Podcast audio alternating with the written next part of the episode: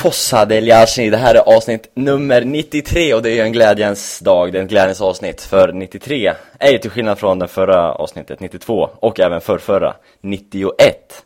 En mycket fin siffra, en fin årgång skulle jag vilja lyfta fram det till. Eh, föddes många bra spelare, många bra fotbollsprofiler, men nummer ett kanske ni hör just nu.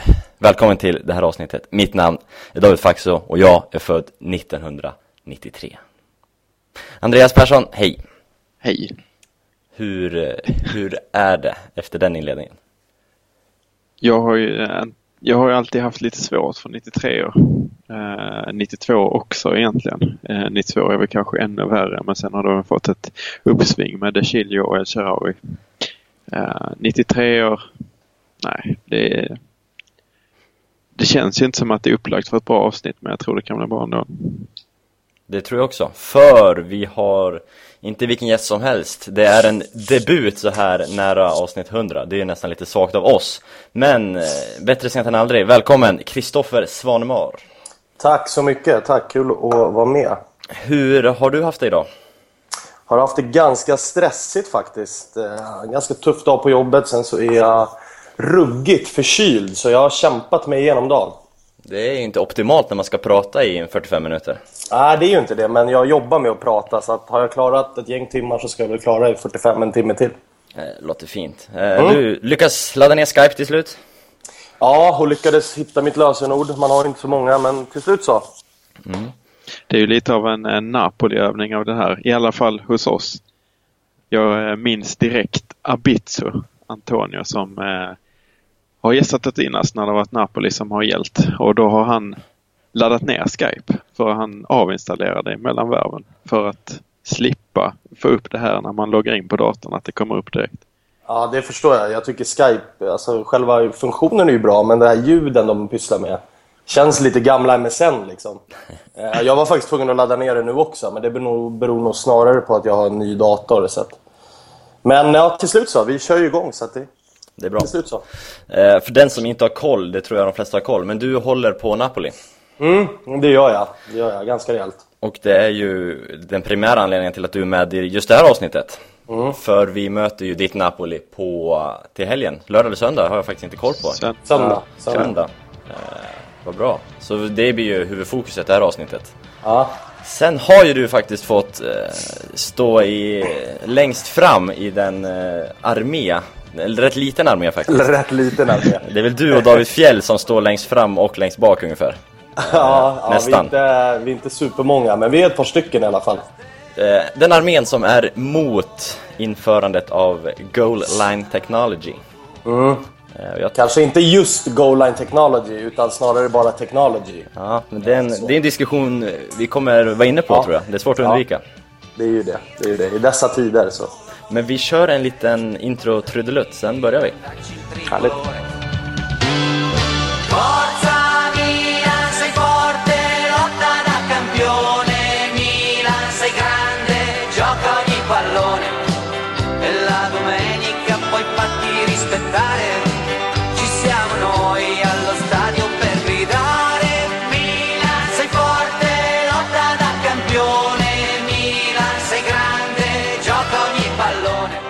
Och som vanligt, vi kör kronologisk ordning Andreas.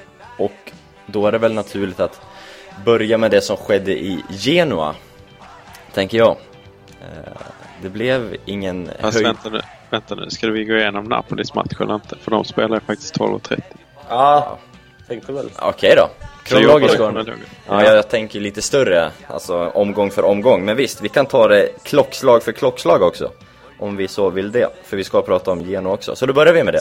Mm. Med Napoli då. Eh, om ni vill det. Eh, Napoli mötte Empoli.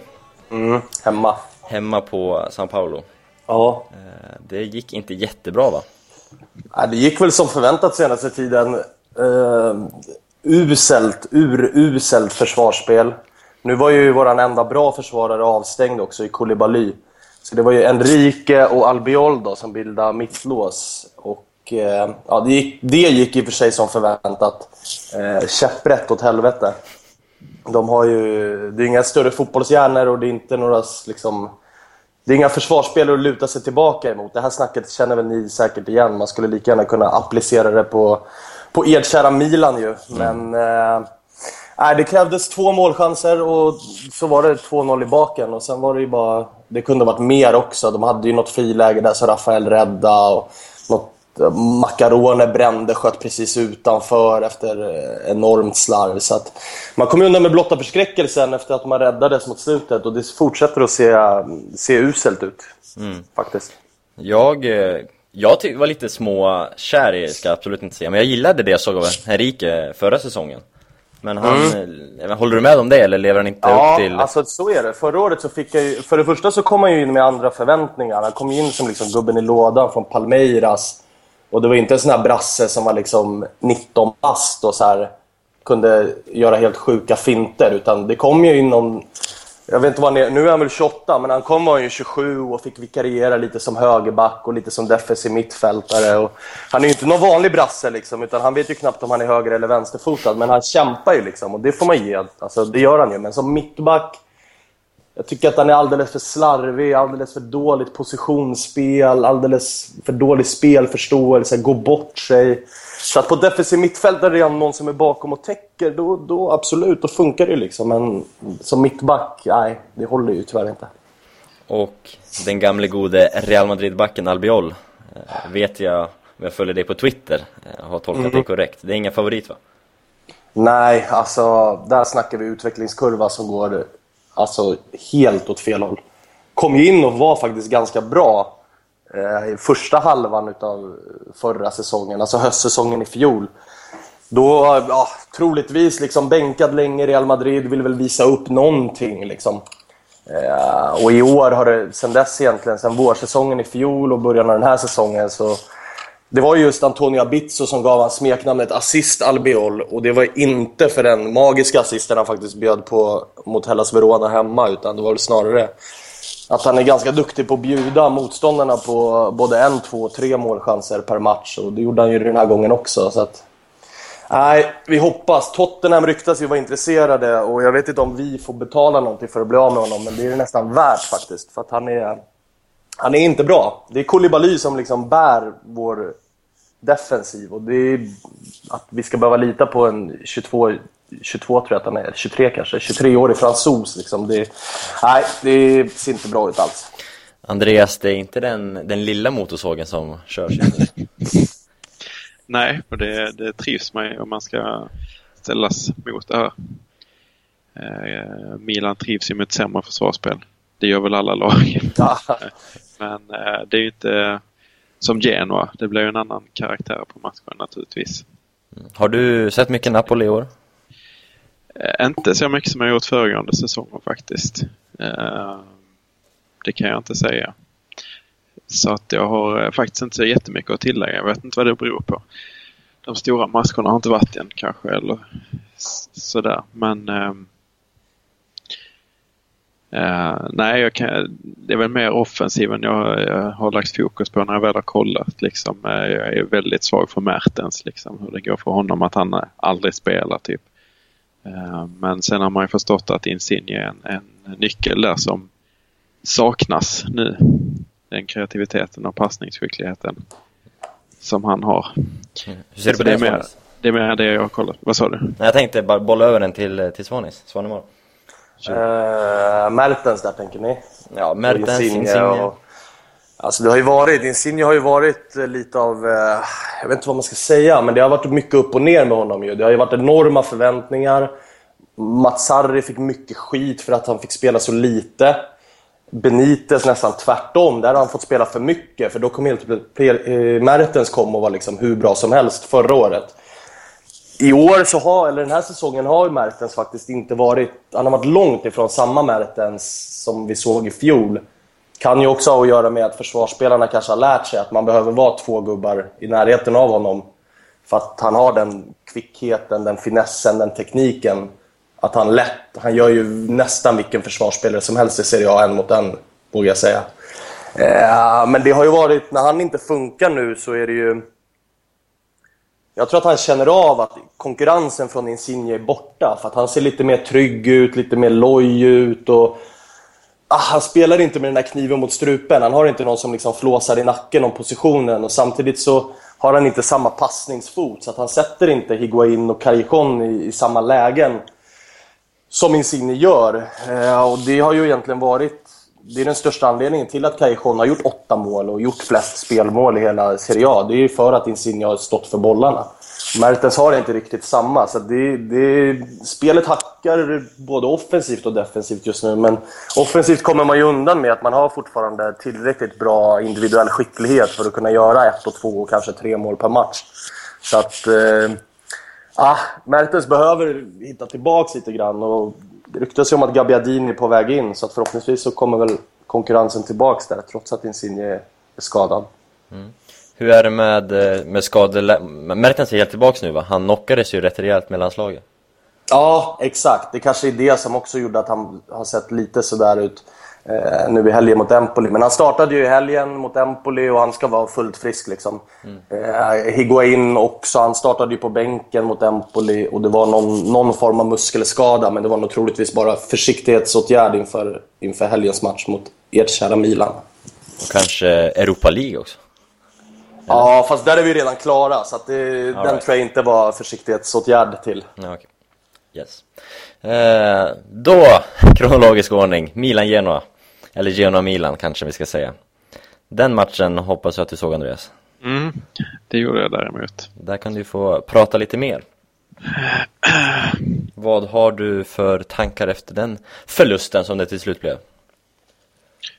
Ja, det var inte rättvist kanske resultatet i sig men eh, man märker att de här Genoa-lagen verkligen är på riktigt när man eh, går upp emot dem. Och, eh, ska man bara ta det allra övergripande, allra mest övergripande som, som känns är att Milan inte har den där absoluta växeln som man hade innan liksom som var bättre än de här lagen som man kunde ta till eh, när man verkligen behövde man kan, man kan gå så här jämnt, kunde man gå förr också liksom i, eh, under långa perioder och liksom vinna lite då och då och sen så gå emot. Men när det behövdes så kunde man lägga in en växel som inte riktigt finns där nu.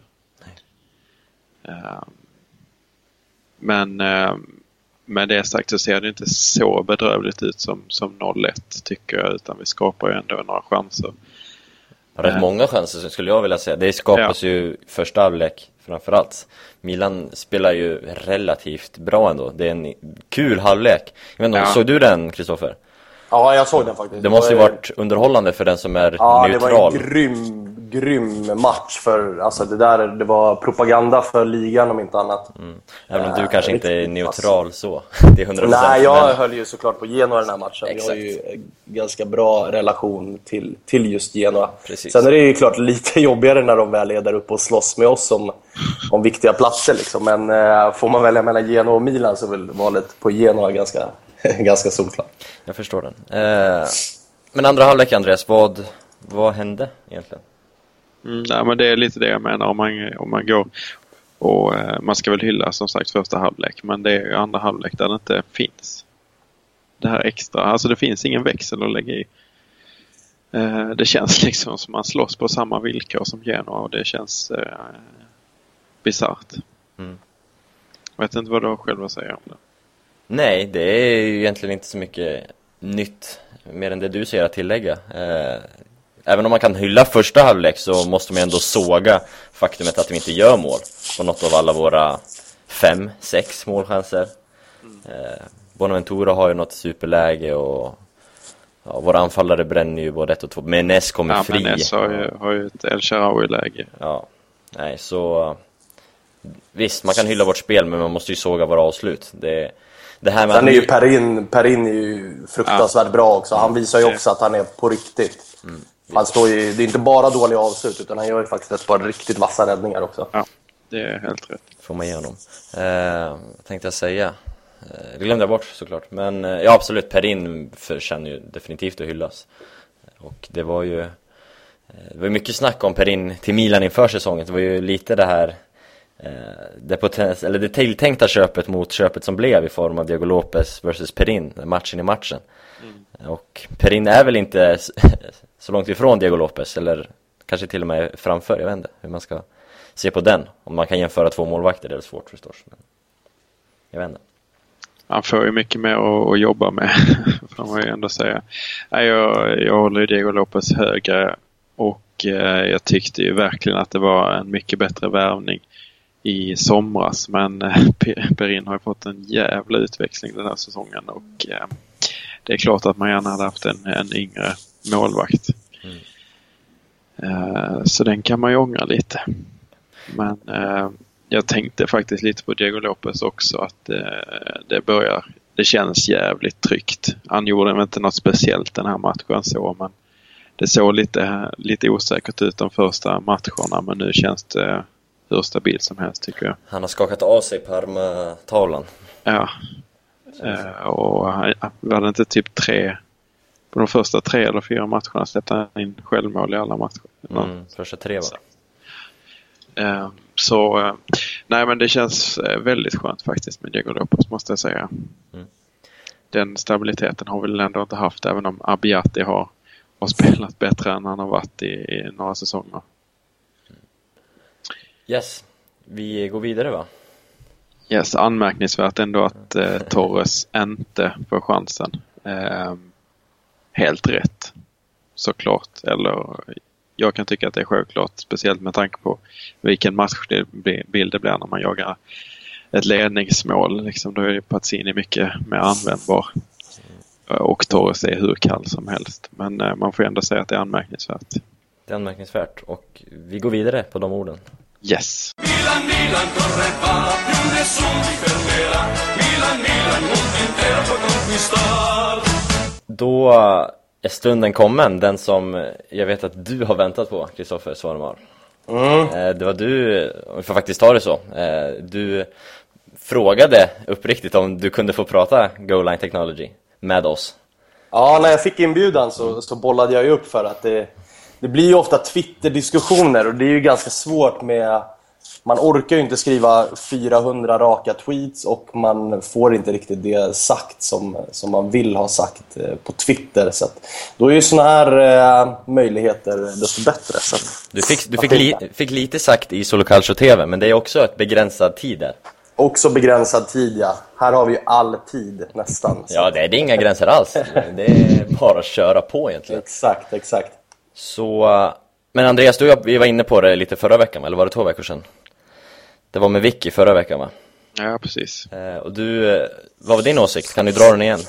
Alltså min åsikt är ju lite speciell. Det är ju inte många som... Eh, man har ju ofta väldigt starka känslor i den här debatten, vilket jag inte har. Jag kan... Jag ser motargumenten, jag ser förargumenten. Jag bryr mig inte så jävla mycket. Jag tycker inte att det är så stor fråga. Men jag har väl lite att säga om det. Men jag tycker mm. att ni som har tydligare ståndpunkter kan inleda. Mm. Jag har ju eh, kanske inte uttryckt mina känslor extremt mycket eller faktiskt inte alls på de här Twitter-diskussionerna som du har fört mot bland annat våra två kollegor på Solo Calcio, Robin och Jihan som brukar, ja, vara, med, exakt, brukar exakt. vara med i den här podden. Men eh, jag står ju på samma sida som de två, måste jag ju säga. Eh, mm. Vi har väl hoppat över den här Twitter-diskussionen för jag känner att 140 tecken är lite svårt, som du sa. Ja, exakt, exakt. Det är så. Eh, men jag känner ju så här i nuläget att det finns en teknik som eh, kan underlätta dömandet för domarna. Det kan underlätta eh, faktumet, alltså ja, mål, inte mål. Det är det sporten för mig handlar om. Mm. Och jag har ju också, som milanista som jag är, eh, Montaris historia i ryggen. En väldigt färsk ja, historia. Såklart, såklart. Eh, det antar jag påverkar. Jag var till och med på plats den, den aftonen. Eh, och det var ju, jag såg det ju från, jag satt långsida, mitt på, ja, ungefär vid mitten. Såg det från där. Domaren såg inte. Vi förlorade ligatiteln på det, mer eller mindre. Eh, så ja, den, den väger in. Ja, såklart att den gör såklart. Frågan är om det hade varit samma för, för Juventus där, då hade du nog inte sett att den var inne. Ja, sett. Eh, jag hade nog sett det, men frågan är om jag hade erkänt det. Ja, exakt. Nej, men det är klart att det är, alltså, det är väl jättebra om man kan bedöma, alltså jag är för all typ av hjälpmedel. Jag tycker att det är jättebra med den här sprayen till exempel. Mm. Superbra. Hjälper domarna att döma, eller bedöma avstånd och sådana grejer. Jag är för eh, de här mål... Eh, straffområdesdomarna. Jag är för eh, Att de kan snacka med sina, sitt head- headset och sådana grejer. Det är superbra liksom. Eh, Problemet för mig blir när det kommer in alltså hjälpmedel som faktiskt avgör att det är hjälpmedlen som tar besluten åt domaren. Mm. Det här med mål, eh, alltså GLT, det betyder ju de facto att domaren behöver inte ens, han behöver inte ens försöka se om bollen var över linjen. Vi, vi behöver inte ens pressa domarna till den nivån att, att de behöver ta beslutet. Utan han kan stå och titta på läktaren eller mot, mot mittlinjen för att han får ändå sin signal till klockan.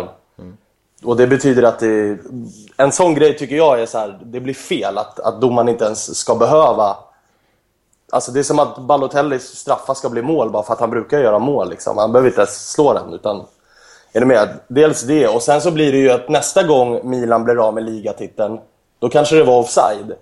Och då har vi löst GLT-problemet, eller mållinjesproblemet.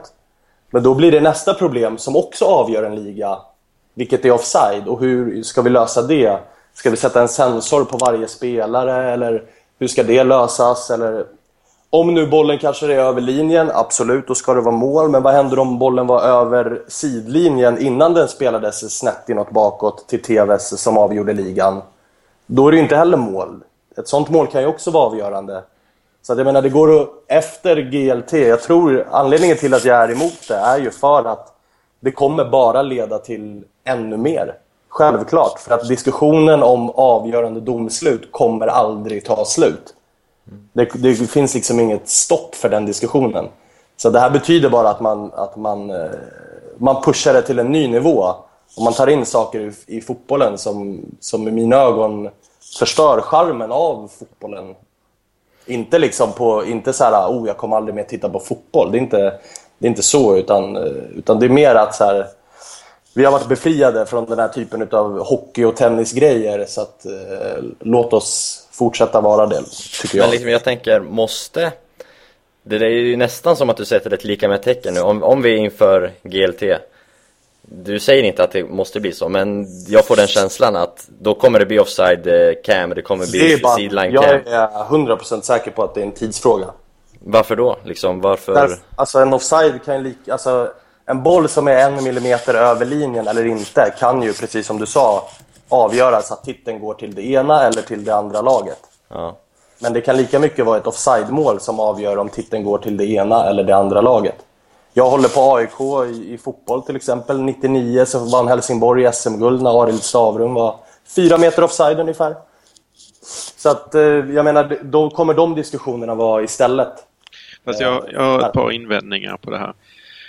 Eh, dels så tycker jag inte att det är samma sak. Ett mål eller inte, en offside eller inte, det tycker jag inte är samma sak. För Men om att, man gör mål på offsiden då? ja, men vänta. För att om, om du eh, gör mål, eh, om du är i ett läge där du är offside, det kanske slår på 10 cm, 20 cm. Hur mycket, eh, vad har det för betydelse då om man är offside? Ett lag straffas väldigt hårt om man felaktigt blåser offside.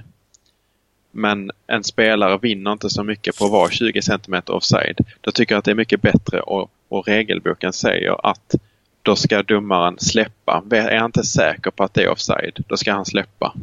Men det, säger regelboken idag ju. Ja, precis. Hellre fria än fälla. Hellre fria än fälla. Men i mål så blir det väldigt svårt för det är samma. Det är liksom, det är väldigt tungt på båda hållen. Ja, absolut. absolut. Så där tycker jag att det finns en skillnad mellan offside och eh, mål. Hellre fria Ja, ja, ja. fälla på offside. Men mål, det är, det ska bli, alltså ja. Det är Ja, väldigt absolut, hårt på absolut. båda hållen. Så är det, så är det. Men i grund och botten handlar det om två olika, alltså om två olika linjer och båda kan vara avgörande.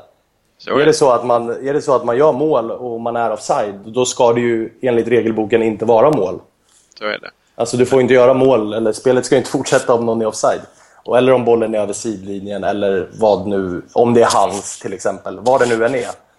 Eh, och det är ju liksom, om bollen är över kortlinjen innan den spelar snett inåt bakåt, det är inte heller någon bedömningsfråga, vilket folk har argumenterat för att om bollen är över mållinjen är. Och om en spelare är offside och kommer fri och gör mål, det är inte heller en bedömningsfråga, utan det är, det kan ingen domare försvara sig med att ja, men jag bedömde det så här, utan det är antingen offside eller så är det inte offside. Så att det, det, jag tror att det bara kommer bli nästa grej liksom, som kan avgöra. Och i grund och botten har ju det här bara med liksom att, att det ska vara pengar. Det alltså, vi ser ju vart, vart de här... Eh, alltså, vi kan ju gå i kronologisk ordning i vart man började använda GLT. Det var ju först VM, det var sen Premier League, eh, nästa steg i Bundesliga. Så att jag menar, det är ju money talks. Och det är ju troligtvis de med mest pengar som också vill ha in det. Serie A är väl på väg nu också. Så, så på väg, ja. Som vanligt sist i ledet, verkar det som.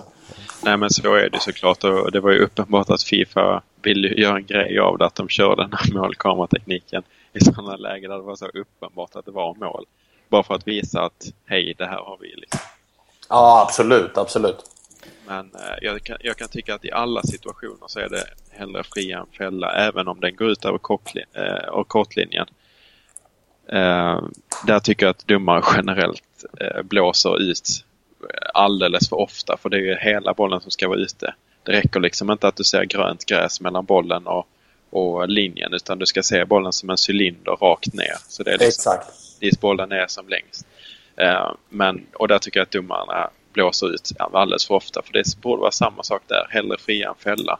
Slår du ett inlägg från kortsidan och den kanske är över linjen, då förlorar du väldigt mycket mer. Du vinner väldigt lite på att ha den bollen eh, några centimeter eh, bakom linjen så att säga. Men du förlorar väldigt mycket av att felaktigt bli borta.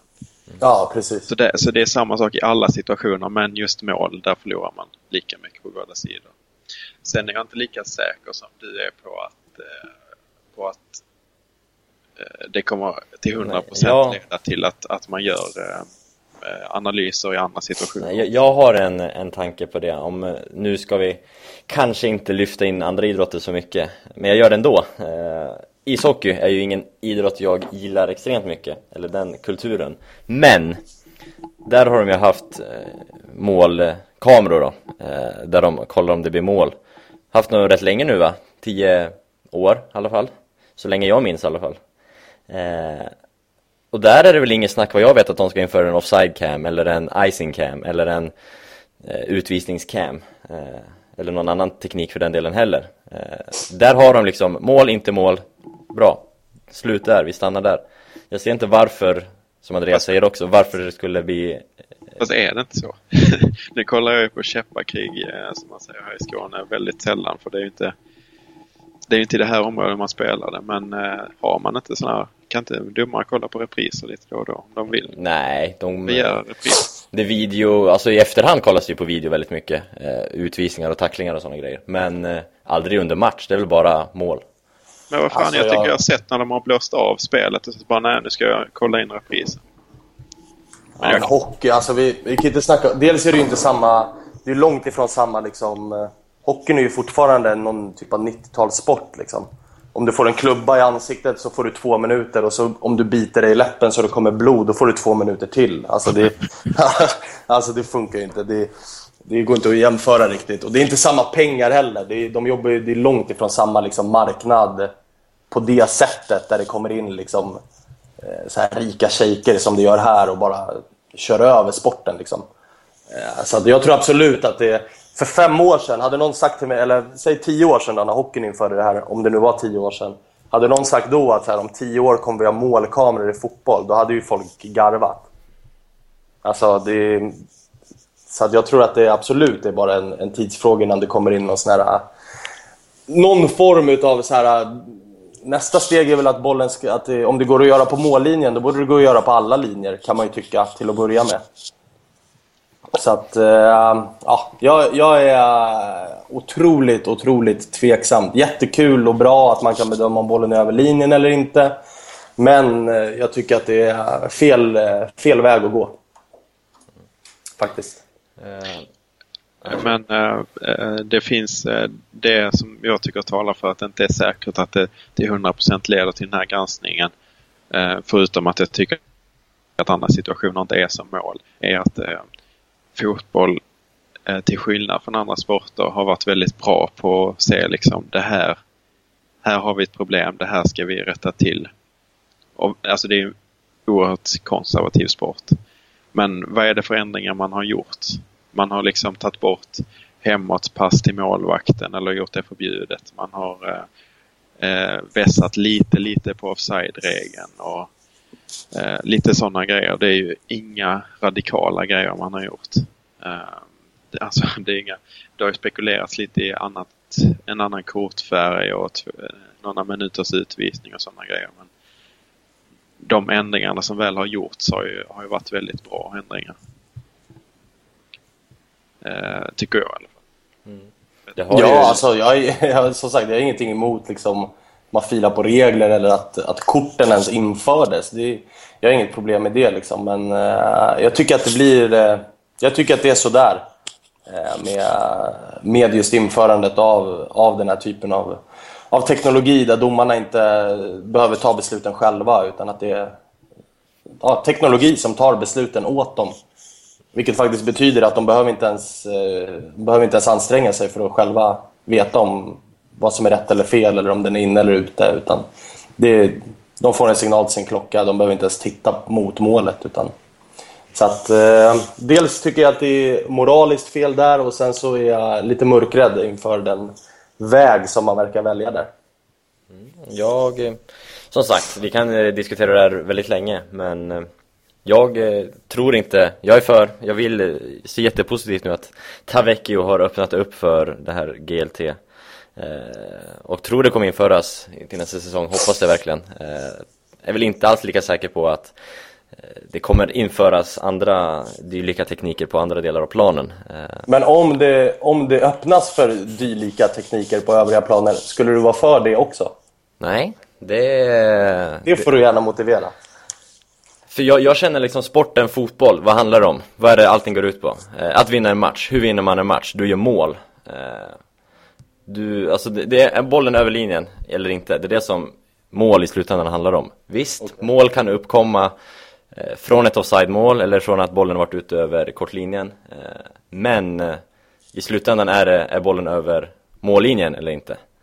Eh, Och det är väl där jag väljer att, att stanna. Eh, För jag antar att Men är, är det inte lika avgörande om, om TVs är två meter offside och avgör ligan på det som att bollen var en millimeter ovanför eller innanför mållinjen? Det är, jo, det blir ju lika avgörande i slutändan, men det är skillnad på, jag tror domaren, jag tycker domaren ska se om det, TV står två meter offside, men jag begär inte att domaren ska se om bollen är en millimeter över. Eh, faktiskt. Där är det ju en rätt stor skillnad enligt mig. Och om man är 30 centimeter offside och det går väldigt fort som det gör i dagens fotboll. Då är det inte, äh, det har ju samma konsekvens eh, i att man gör ett felaktigt mål enligt regelboken. Men det kan jag köpa fullt ut. Okej, okej. För att eh, där tycker jag att domaren ska fälla. Eller fria snarare än fälla. Jag, Jag menar vad, vad vinner eh, TVs på de här 30 centimeterna? Ja, väl ett mål. Han är ju offside. Ja, men han hade kanske gjort mål om han var 30, med, alltså 30 centimeter längre bak också. Jo, alltså det hade han, det hade han säkert gjort. Det, det är ju det jag menar att, att där är det ju lika stor, eller nästan, man vinner så lite fördel av att det är fel i regelboken, enligt regelboken. Men är en, mål, är en boll inne som inte är inne egentligen, då är det en väldigt stor skillnad. Ja, men i slutändan blir det samma resultat. Ja, det blir det. Man vinner på ett felaktigt mål. Det blir det. Och därför tror jag att det kommer bli, vi kommer gå mot ett som är där det ska vara avgörande. För jag tror att gnället i media dagen efter från diverse presidenter och sportchefer och spelare och ledare. Det kommer vara ännu lika stort som om en boll döms fel inne eller ute. Eh, som en felaktig offside avgör. Och det kommer sätta ännu större press på de, de vid, eh, som tar de här besluten att, eh, att göra någonting åt det också. Precis som man har behövt göra någonting åt det här med mållinjesystemet. Det Så kan jag att, eh, tänka.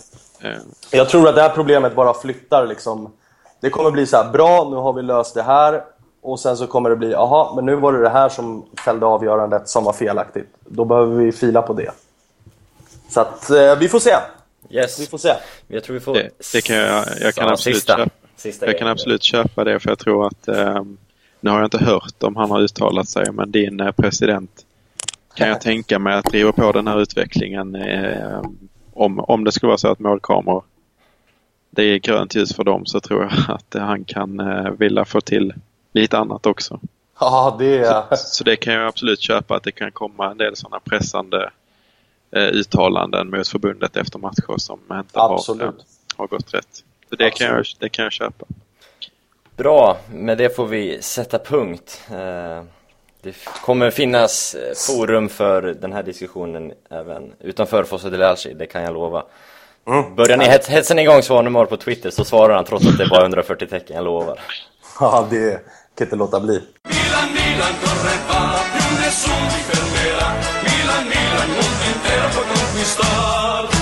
Ja, Andreas, är du eh, nöjd med diskussionen som var? Ta lite, Ja, ta lite alltså det- Napoli-Milan, Milan-Napoli. Förlåt. Vi tar lite Milan-Napoli-snack va? Det tycker jag. Som sagt, vi snackar fotboll nu. Ingenting annat. Det Jag, är... jag, tror, jag tror att det här bara är Galliani som vill distrahera Milans supportrar och alla fotbollssupportrar i Italien från de viktiga frågorna. Som Det, det, där har du en rejäl Ja. poäng. Viktiga frågor som vi tar upp nu. Det Tips. handlar ju inte om att göra mål. Det handlar om supportrarna. Milan mot Napoli på, på söndag 20.45 kom vi fram till va? Stämmer. Eh, om vi börjar med vårt kära lag Andreas Så eh, vi brukar väl gå igenom lite startelvor och lite skadeläge och sånt Vi har fortfarande en Abate, en De Chilio, en Alex som är tveksamma Senaste jag läste var att Abate och Alex eventuellt skulle kunna återvända Men en startplats är väl tveksam för de bägge eh, Hur känner då du till eh, backlinjen Bonera, Rami, Mexes, Armero? Ett mål insläppt på två matcher. Säger jag bara. Ja, eh, och du är nöjd alltså med de två matcherna? Alltså defensivt kan man ju tycka att det är helt okej. Det är ju Bonera såklart som tappar markeringen på Genoas mål. Det är ju det varje gång. Det är helt obegripligt. Han försöker typ sparka eh, bort eh, bollen som kommer i huvudet. Men ehm, det är väl svårt eh, sett till namnen att vara nöjd. Eh, men ehm, det har ju faktiskt, nu har de inte ställts på så många prov egentligen. Men det är ändå ett mål insläppt. Eh, Men jag ser, jag ser på matchen med en helt annan posit- positivitet om Alex eh, är tillbaka och gärna någon av ytterbackarna också.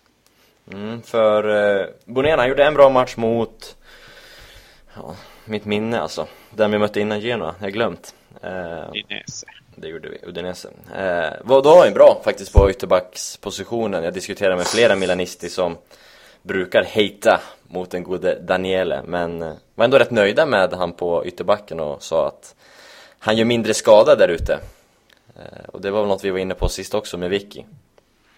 Mm. Eh, men han var ju som sagt inte bra, så bra. Det var i och för sig målet mest han tappar. Eh, för Bonera, han gör inte två bra matcher på raken. Det sker inte år 2014. Frågan är om det har skett någon gång. Det är lite tveksamt. Eh, Armero, det är en spelare som vi alla tre kan diskutera rätt mycket om faktiskt. Ja, Eh, Andreas, om vi börjar med dig. Han, eh, han har fått två matcher nu på raken. Vad tycker du om du specialstuderar vänsterkanten? Jag har ju hävdat att han är en, eh, en ytter egentligen men eh, ja. alltså som sagt få prov har han ställts på eh, och sen är han ju rätt så glad för att komma upp offensivt. Bra inlägg hade han med sist. Eh, absolut. Så att eh, alltså det är ju inte, det är ju långt ifrån katastrofalt. Det är det ju inte. Då är jag väldigt sugen på att höra vad eh, Hur glad du blir om Armero startar mot Napoli, Kristoffer? då blir jag oerhört glad. Eh, han var ju usel i Napoli. Eh, började väl i och för sig helt okej. Han kom ju... Han passar väl egentligen bäst. Han är ju en klassisk ytterback och passade jättebra in egentligen i, i Mazzaris eh, 3-5-2 där, där, man har, där vi hade Maggio och Suniga och ibland Armero då, till vänster. Så han passar ju bättre som sån wingback liksom. Eh, han är väl, han är ju snabb liksom, men det är väl egentligen det enda han är också. Eh, han har väl eh, blandar ju och ger som satan och sista tiden i Napoli var ju bara liksom... Det gick ju inte. Alltså det var ju... Det gjorde ju ont att se honom spela. Det var ingenting stämde. Så att, Får se, han såg väl helt okej ut. Det var väl som Andreas var inne på, det var väl inga jätteprov han ställdes mot, eh, mot Genoa. Som jag, jag såg inte matchen mot Udinese som ni spelade då. Men... Eh, ah, han är ju inte någon superback liksom och han har väl egentligen ingenting i en Milan-backlinje att göra kan jag tycka. Så att, eh, startar han och ställs mot Callejon, då på förhand så tackar man väl för det. Mm. Eh, och sen har vi den ständiga mittbacksdiskussionen Andreas. Eh, Alex, vi säger att han är ute. Det är väl det vi får ha att gå på nu när det är onsdag, får vi säga. Spelar in lite tidigare än vanligt. Eh, det är ju Rami Mexes Zapata. Eventuellt en Bonera eller hur man nu vill flytta, pussla om. Vilka ser du då mot en Iguin, Andreas? Ja, men där ser ju Rami och Mexes eh, utan diskussion egentligen för att eh, alltså de har ändå det har ändå sett eh, tätt ut och de måste ju ändå ha lite självförtroende efter ett mål insläppt på två matcher. Eh, och det är inte deras fel att det har gått annorlunda. Trots, trots alla, det, jag känner ju, mötena mot Napoli brukar vara heta. Har ju viftats med en del röda kort i just de mötena på San Siro i alla fall. Eh, och Mexes, Rami. Ja. jag vet inte. Vi såg ju vad, ett praktexemplar hur, av en Mexes tackling senast. Plockade ett, ett stensäkert gult kort. Orange var det ju. Han ska ju dessutom ha rött i den matchen ju efter Ja, just ja. Det är, hetsen där när han går fram och... han trycker ju sin Var det skalle. Bertolacci eller? Ja, det var det Eller var det Kutska? Det var, nej, det var bättre. var det nog Ja, ja. ja någon utav dem, men där ska han ju ha det röda så att... Det är ju, den Men, är ju eh, superröd. Ja, den är super. Framförallt när han redan har ett gult, Precis, då är det inte ens något precis. att diskutera. Han ska ju vara glad att han ens nämns i snacket inför Napoli-matchen. Faktiskt. Den hade jag ju glömt. Förträngt. Så där satt man faktiskt och svor en del då. Värdigt att han eh, har varit kapten ändå i Milan. Den, Ja. Frågetecken efter den va. Eh, Montolivo Andreas. Mm. Om vi flyttar oss upp i banan. Vad tyckte du? Och kan du komma lite närmare micken så jag hör det bättre? Vad tyckte du? Eh, jag var väl inte jätteimponerad. Jag var inte glad att han startade mot Genoa. Även om han har tränat rätt länge med laget nu så att kasta sig in mot ett av de tempostarkaste lagen i ligan på bortaplan eh, som han gjorde mot Genoa, det gillade jag inte. Jag hade gärna sett en van Ginkel som presterade bra mot Udinese där. Men han väntas ju starta nu igen och nu kan jag väl vara lite positivare ändå. Montolivo ser jag lite som en stora matchernas man och även om Genoa är bra i år så är Napoli på San Siro en större match än Genoa i Genoa. Tycker jag. Eh, Så jag är inte lika negativ nu längre, måste jag säga. Trots att insatsen inte var speciellt bra. Det var, rätt intetsägande. Tycker Ja. jag. Ja, men jag tyckte det var... Jag blev väldigt glad av att se honom eh, springa där fram och tillbaka som, på hans väldigt karaktäristiska sätt. Hans väldigt långsamma löpsteg. Ja, Extremt men, en, men han hångar ändå på liksom.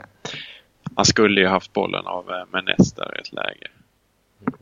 Det är många Tack. som ska ha med bollen av Menes. Ja, Rätt så, ofta faktiskt. så är det. Men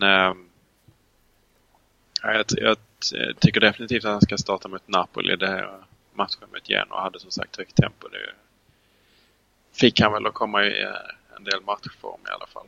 Mm. Hoppas att det lyfter honom. Ja, jag tyckte att eh, ja, han har en speltid som verkligen behövs på vårt mittfält jag tyckte att det var väldigt skönt att ha. Nu försvinner du igen. Har du glömt hur man podcastar? Men vad fan. Ja, sådär, mycket bättre.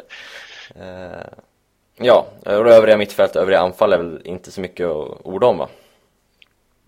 Nej, det är det inte utan det, det ska vara samma som mot Genoa. De Jong, Bonaventura, Elcha, Menes, Honda. Så det, den är ju spikad om det inte händer någon skada eller något på träning. Måste man väl säga.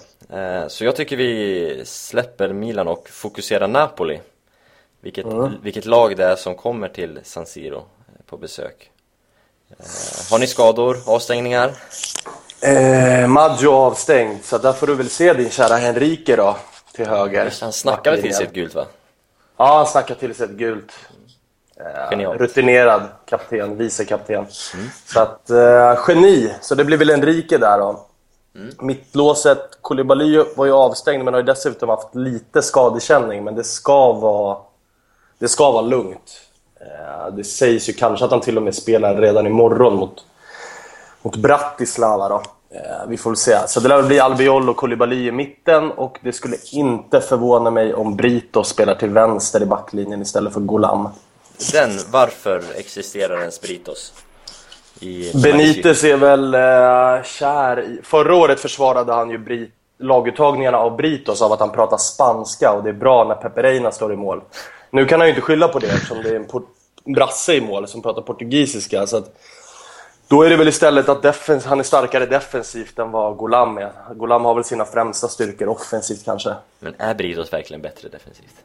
Britos är inte bra på något, så att jag förstår inte ens vad han gör i klubben. Men Benitez tycker det. Ja. Och jag och Benitez håller sällan med varandra, kan jag säga. Uh, så att, nej men det är, Golam är första valet, men jag skulle inte bli förvånad om Brito startar. Yes. Uh, defensivt mittfält så lär det bli... Uh, det lär bli Inler och David Lopez. Ska vi, om vi stannar där. David Lopez eh, tycker jag, det jag har sett, varit helt okej. Okay. var det mot Hellas han var riktigt fin? ja. Vem, vem är det egentligen för de som inte har koll? Alltså jag har egentligen inte heller koll. Och det var ganska kul när han värvades. Han värvades ju typ sista två, tre dagarna där på sommarmercaton och sa... Och alla förväntade sig som vanligt att man förväntar sig alltid något stort namn liksom. Så kommer David Lopez från Espanyol. Eh, och han sa väl, för, hans första ord på presskonferensen var ju typ att så här, ja hej, jag vet att ingen här vet vem jag är men jag ska försöka och bevisa på planen att jag förtjänar att vara här men jag har förståelse för att ni inte har så stor koll på mig. Typ. Mm. Så att, men, och det är väl med de förväntningarna han har spelat också och med de förväntningarna så har han gjort det jävligt bra. Mm. Eh, han har ju bevisat både defensivt och offensivt att han har kvaliteter. Slog ju ett, ett riktigt fint inlägg på just San Siro mot Inter till eh, Cajons 2-1 mål där. Ja. Så att... Eh, och dessutom stor, löpstark, hygglig passningsspelare, hygglig teknik. Så att liksom, en klassisk defensiv mittfältare som är, påminner lite grann om Inler, förutom att han inte skjuter lika mycket. Mm. Eh, så att, och Inler lär väl få spela just på grund av liksom fysiken och sådär. Det brukar ju ofta vara Jorginho på hemmaplan och Inler på bortaplan. Just med tanke på att Inler är bättre defensivt. Lite som Britos Golam. Mm. Britos borta, Golam hemma. Han gillar ju att snurra på elvan liksom. Inler eh, brukar vara bra mot Milan också, tycker jag. Han gjorde väl mål någon gång. Ja, han brukar trivas. Jag var nere där 2012, tror jag det var, hemma när El Sharawi var inne i sin sjuka form. Mm, just. Eh, El Sharawi gjorde två och då bombade Inler in ett sånt här patenterat Inler-skott från 40 meter i krysset. Mm. Men han skjuter ju 800 gånger per match, så det är klart att någon boll sitter ju. Men ja, vi får se. Jag hade föredragit Jorginho där, så jag hoppas han spelar. Eh, framåt så kommer det bli precis som vanligt eh, nu när Insigne är borta med Cajon, Hamsik, Mertens, Higuain. Och det är ju på pappret jävligt bra faktiskt. Så att, äh, jag tror att det kommer bli ett ganska... Båda lagen har ju...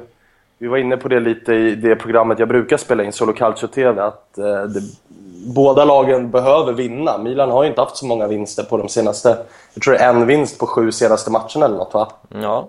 Det... Och Napoli har väl typ sex kryss på 12 matcher eller någonting. Så att båda lagen behöver vinna. Både, det snackas till och med om att det är kris i Napoli. Jag menar, man ligger fyra, femma där. Så att kris, det, ja, det beror på. Men man behöver ju vinna eh, för att, för att liksom övertyga folk. Och man har ju på pappret ett bra lag och, Milan behöver ju verkligen vinna. Så att det, det kommer nog vara två lag som bjuder upp och jag tror att vi kan få se en del mål faktiskt. Båda lagen har ju sina styrkor offensivt och sina svagheter defensivt. Det tror jag vi kan vara rörande överens om. Det låter nästan som vi öppnar upp för lite bettingtips här. Över 2,5. Ah, Säger jag utan att kunna någonting mot betting.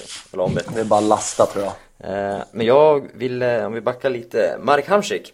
Mm. Vad, är det så allvarligt som det skrivs i media? Vad har hänt med Slovenen? Eh, det har ju Slovakien till och med. Slovakien. Det har inte hänt någonting egentligen.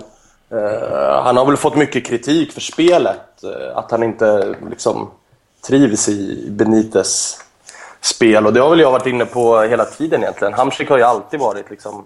Han har trivts bäst när Napoli har fått kontra och han har fått löpa med boll och hitta ytor. Han är inte speciellt bra, alltså en mot en tekniskt. han ska komma i full fart utanför straffområdet och ha två eller tre spelare att välja mellan och sätta den på. Eh, det här spelet passar egentligen inte hans spelstil speciellt bra, så det är egentligen inga... För mig, jag kunde nästan lista ut det här när Benitez kom, att det skulle bli så här. Men sen har det ju gått rykten nu efter Empoli-matchen att hans fru blev eh, förolämpad på läktaren och sådär. Det visade sig vara fullständigt skitsnack eftersom Hamsik själv gick ut och sa att min fru var inte ens på matchen, så att det lär inte ha hänt. Så att, äh, det blir ju en höna av en fjäder, som det ofta blir där nere i Neapel. Det förstoras ju en del. Men äh, det är väl uppenbart att han inte kommer till sin rätt på planen. Liksom.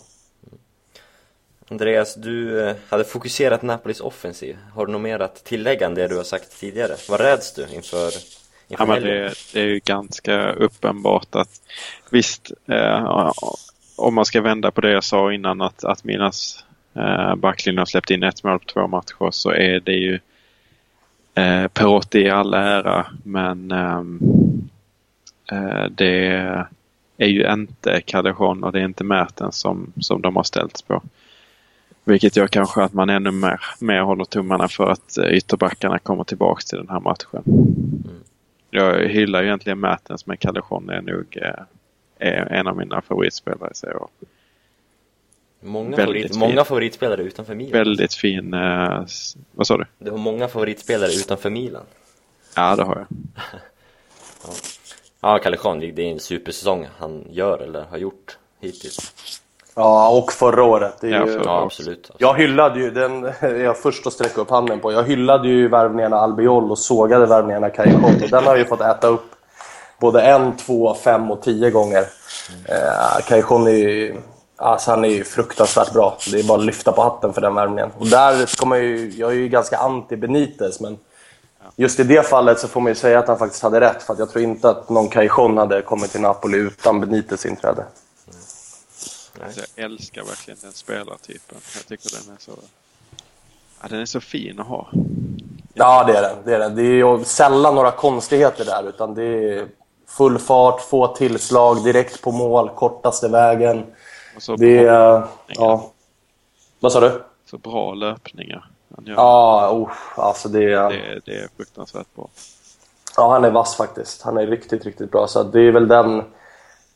Troligtvis så kommer ju Napoli få kontra lite och det är väl där han är som bäst. Eh, han och Hamsik är som bäst. Så att eh, förhoppningsvis för min del så, så ni får gärna ha mycket boll och, och stå och låta Montolivo stå och slå lite, lite sliceade golfchippar ut mot Armero så kan vi ställa om på dem sen. För att det tror jag bara det, det kommer passa framförallt Kajon. Det är ju, ja det håller jag med om. Eh, enkelt sagt. Eh, men om vi pratar eh, San Siro, vi pratar stormatch, vi pratar söndag kväll. Jag har varit på Milan-Napoli två gånger tror jag va? Du var med en va Andreas? Micken, nu är du för långt ifrån micken igen. Ja, jag var med en match. Mm. Eh, det är ju, även om det inte är inte, det är inte Juventus, men det är ändå en väldigt het, härlig stämning måste man säga. Ja. Napoli har, de gångerna jag varit där, haft ett väldigt bra bortafölje. Ja, måste man ge dem. Trots mm. att det är så extremt långt geografiskt. Ja, de flesta bor nog i ja. Alltså jag skulle säga att nästan 50-60 om inte mer procent eh, är ju alltså bosatta utflyttade napolitanare. Så det, det, brukar vara ganska mycket folk på de eh, matcherna. Mm. Det ser man också på, eh, på kortsidorna, kommer jag ihåg. Den matchen vi såg så blev det 1-1 där efter Flaminis spektakel. Och sen minns jag faktiskt inte vem var det som kvitterade. Det var väl Albiol. Gjorde inte Albiol mål i första minuten typ? Det var väl Milan som kvitterade? Ja, så var det. Mm, så var det va? Så gjorde var mål direkt. Mm. Mm. Uh, I alla fall. Uh, då såg man ju mycket. Det var ju många napolitanare som, som firade på, på långsidorna. Jag får mig att det satt en Hamsik framför oss. Ja, det var nog så till och med. Det finns ju en del Hamsik där nere i Italien. Den är helt sjukt populär. Mm. Så var det. Eh, men ja, jag ser fram emot. Jag hoppas att Milans kurva kan bjuda upp. Eh, tifo kanske man inte ska begära, men eh, bengaler har det varit. Bengaltifo, när jag var där första gången och såg Milan-Napoli så Ja, det brukar vara hett. Och nu har de också dragit in straffen mot de här ramsorna. Så vi hoppas att det kan sjungas friskt. Det gjorde det ändå kan man ju säga. Det gjorde kanske ännu mer när vi var där. Ja, exakt. Det var ju, jag hörde, hörde det mer förra året än vad jag hörde den här säsongen. Så att Det det, är ju faktiskt sant. det blir ju ofta så. Men så är det ju med allt där nere också ju. Säger man ni får inte göra så eller nu ska vi göra så här, då blir det ju ofta tvärtom. Bara för att. Så att det, äh, men det blir roligt. Det, det brukar vara heta möten. Jag såg faktiskt förra årets möte med äh, Abizo. Den vi vann med, med 2-1 sen Abiati faktiskt gjorde en rejäl tabbe på Higuains eh, skott. Lite halvdassiga skott. Just Eh, Eh, då var det ju Britos ju som hängde första där eh, på hörna, eller på någon frisparksvariant. Eh, men då var det ju mycket, jätte, jättemycket. Det var ju, snackades att det var uppemot en 10-12 tusen eh, ja, Napoli-fans där. Så att det, hoppas att det, att det bjuds på rejält bra stämning för att det kommer ju vara, förutsättningarna kommer ju finnas och hoppas att spelarna på planen kan bjuda tillbaka på det även om det är lite äh, ångestladdat möte. Det är inte riktigt två solklara topplag som slåss om någon titel som möts men det är trots allt två fina lag offensivt så att det, det borde kunna bjudas på, på en del mål och bra spel. Eh, Med eh, de rätt positiva orden så Mm. känner jag mig rätt nöjd med avsnittet. Det är väl närmat oss en timme nu nästan. Tror jag. Mm. Eh, Och det Ska vi brukar- slå, ska vi slå ett getöga på tabellen? Vad tror du? eh, Vad har du för tankar kring Napoli? Var ska de ligga? Och var ska Milan ligga? Eh, jag tippade ju faktiskt, inför säsongen så tippade jag på Solo Calcios hemsida där jag skriver friskt. Eh, så tippade jag faktiskt Milan 3 Känner jag ju att det är på väg att gå åt helvete det tippet. Men jag tyckte att ni gjorde en ganska fin eh, Mercato, bra namn, rätt namn in tyckte jag då. Så att eh, jag tycker att, det är, alltså att man ska vara med där och slåss om den tredje platsen till slut. Eh, Napoli hade jag någonstans nere på femte, kanske sjätte plats. Just för att jag tycker att det har gått åt fel håll sen Benites Benitez kom in. Eh, det snurras inte, eller det snurras lite för mycket snarare. Så att det blir, väl, det blir väl där någonstans. Sen kanske det blir ombytta. Det hoppas jag ju såklart att det är Napoli som tar den där tredje platsen och, och ni kanske kommer en, en femma, sexa där någonstans. Men eh, jag tror att det kommer vara tajt hela vägen in om den där tredje platsen. Framförallt nu när eh, två Genoa-lag verkar vilja blanda sig i den leken också. Som tur var ser det ut som att vi kan räkna bort Inter ifrån den i alla fall och det tackar vi väl båda för. Det gör vi absolut. Verkligen. Mm. Sen så, så är det lite tidigt kan jag tycka att eh, dra sådana slutsatser. Ja, det är det. Jag vet att, att de hade Milan slått Genoa och vi hade gått bra mot er också, då hade vi varit trea direkt. Ja, absolut. Eh, Oavsett hur det hade gått, tror om inte Sampa hade gått rent mot Juventus tror jag det. Eh, Så att eh, det är ju rätt så små marginaler ändå. Eh, Visst, Ja, det, är- det är några det poäng till, till, till Inter, men det, det är många matcher kvar. Ja, det är det verkligen. Men däremot så ser jag inte, jag ser inga liksom intentioner i, i Inter. Eh, Sen är det klart det ska göras en januari-mercato där Mancini säkert har fått en del löften om en viss summa pengar som ska spenderas. Annars tror jag inte han hade tagit jobbet. Men jag ser liksom inte någon typ av mön... Alltså jag ser inget i Inter som jag kanske ser snarare mer hos, hos Milan. Så att, eh, jag tror att det blir... att- Ja, kanske att vi, vi och ni gör upp om den där tredjeplatsen då till slut. Mm. Eh, Det tror ju jag. Jag har för mig att jag tippade på samma Solo Calcio att jag tror jag tippade Napoli 3, Milan 4 faktiskt. Mm. Eller Milan 5 eller något, något i den stilen. Eh, Så det tror jag. Jag tror inte Genoa-klubbarna håller hela vägen. Men jag trodde inte Torino eller Parma skulle hålla hela vägen förra året heller. Så jag har förmodligen fel. Men eh, yes. Eh, Man kan ju Svanemar, att eh, Mihailovic... aldrig får jag avsluta. Ja, fine. fine. Nej, kör, kör, kör. kör. Nej, men Mihailovic kan ju flippa ut och Genoa kan ju göra en riktig Preziosi uh, transferfönster. ja, Sälja ut hela, hela ryggraden och sen ingen skulle bli förvånad. Nu får du avsluta. Nu får jag avsluta. Tack så jättemycket för att du ville gästa oss idag, Kristoffer Svanemar. Ja, nöjet var på min sida. Bara kul. Eh, och ja, eh, man får skicka med ett litet halvt lycka till och en liten spark i sidan. Ja, detsamma. Detsamma till er. Eh, Vill ni höra mer, läsa mer om honom, soloculture.se, Soloculture TV, Football United finns det nu på också va? Det också ja, det också. Eller eh, besök Rå, Råsunda höll jag på att säga, det finns inte längre. Det Friends! finns inte längre. Nej. Nationalarenan. Nationalarenan. Eller Twitter. Det finns Eller många, Twitter, många ja. kanaler att nå honom på, eller oss på. Eh, David Fax och Don Mascarpone, mailadress, fossilelashi, bla bla bla, eh, kommentarsfält. Ni kan det där såklart. Eh, så vi tackar för eh, uppmärksamheten och på återseende. Hejdå! Ciao. Adjö. Ciao.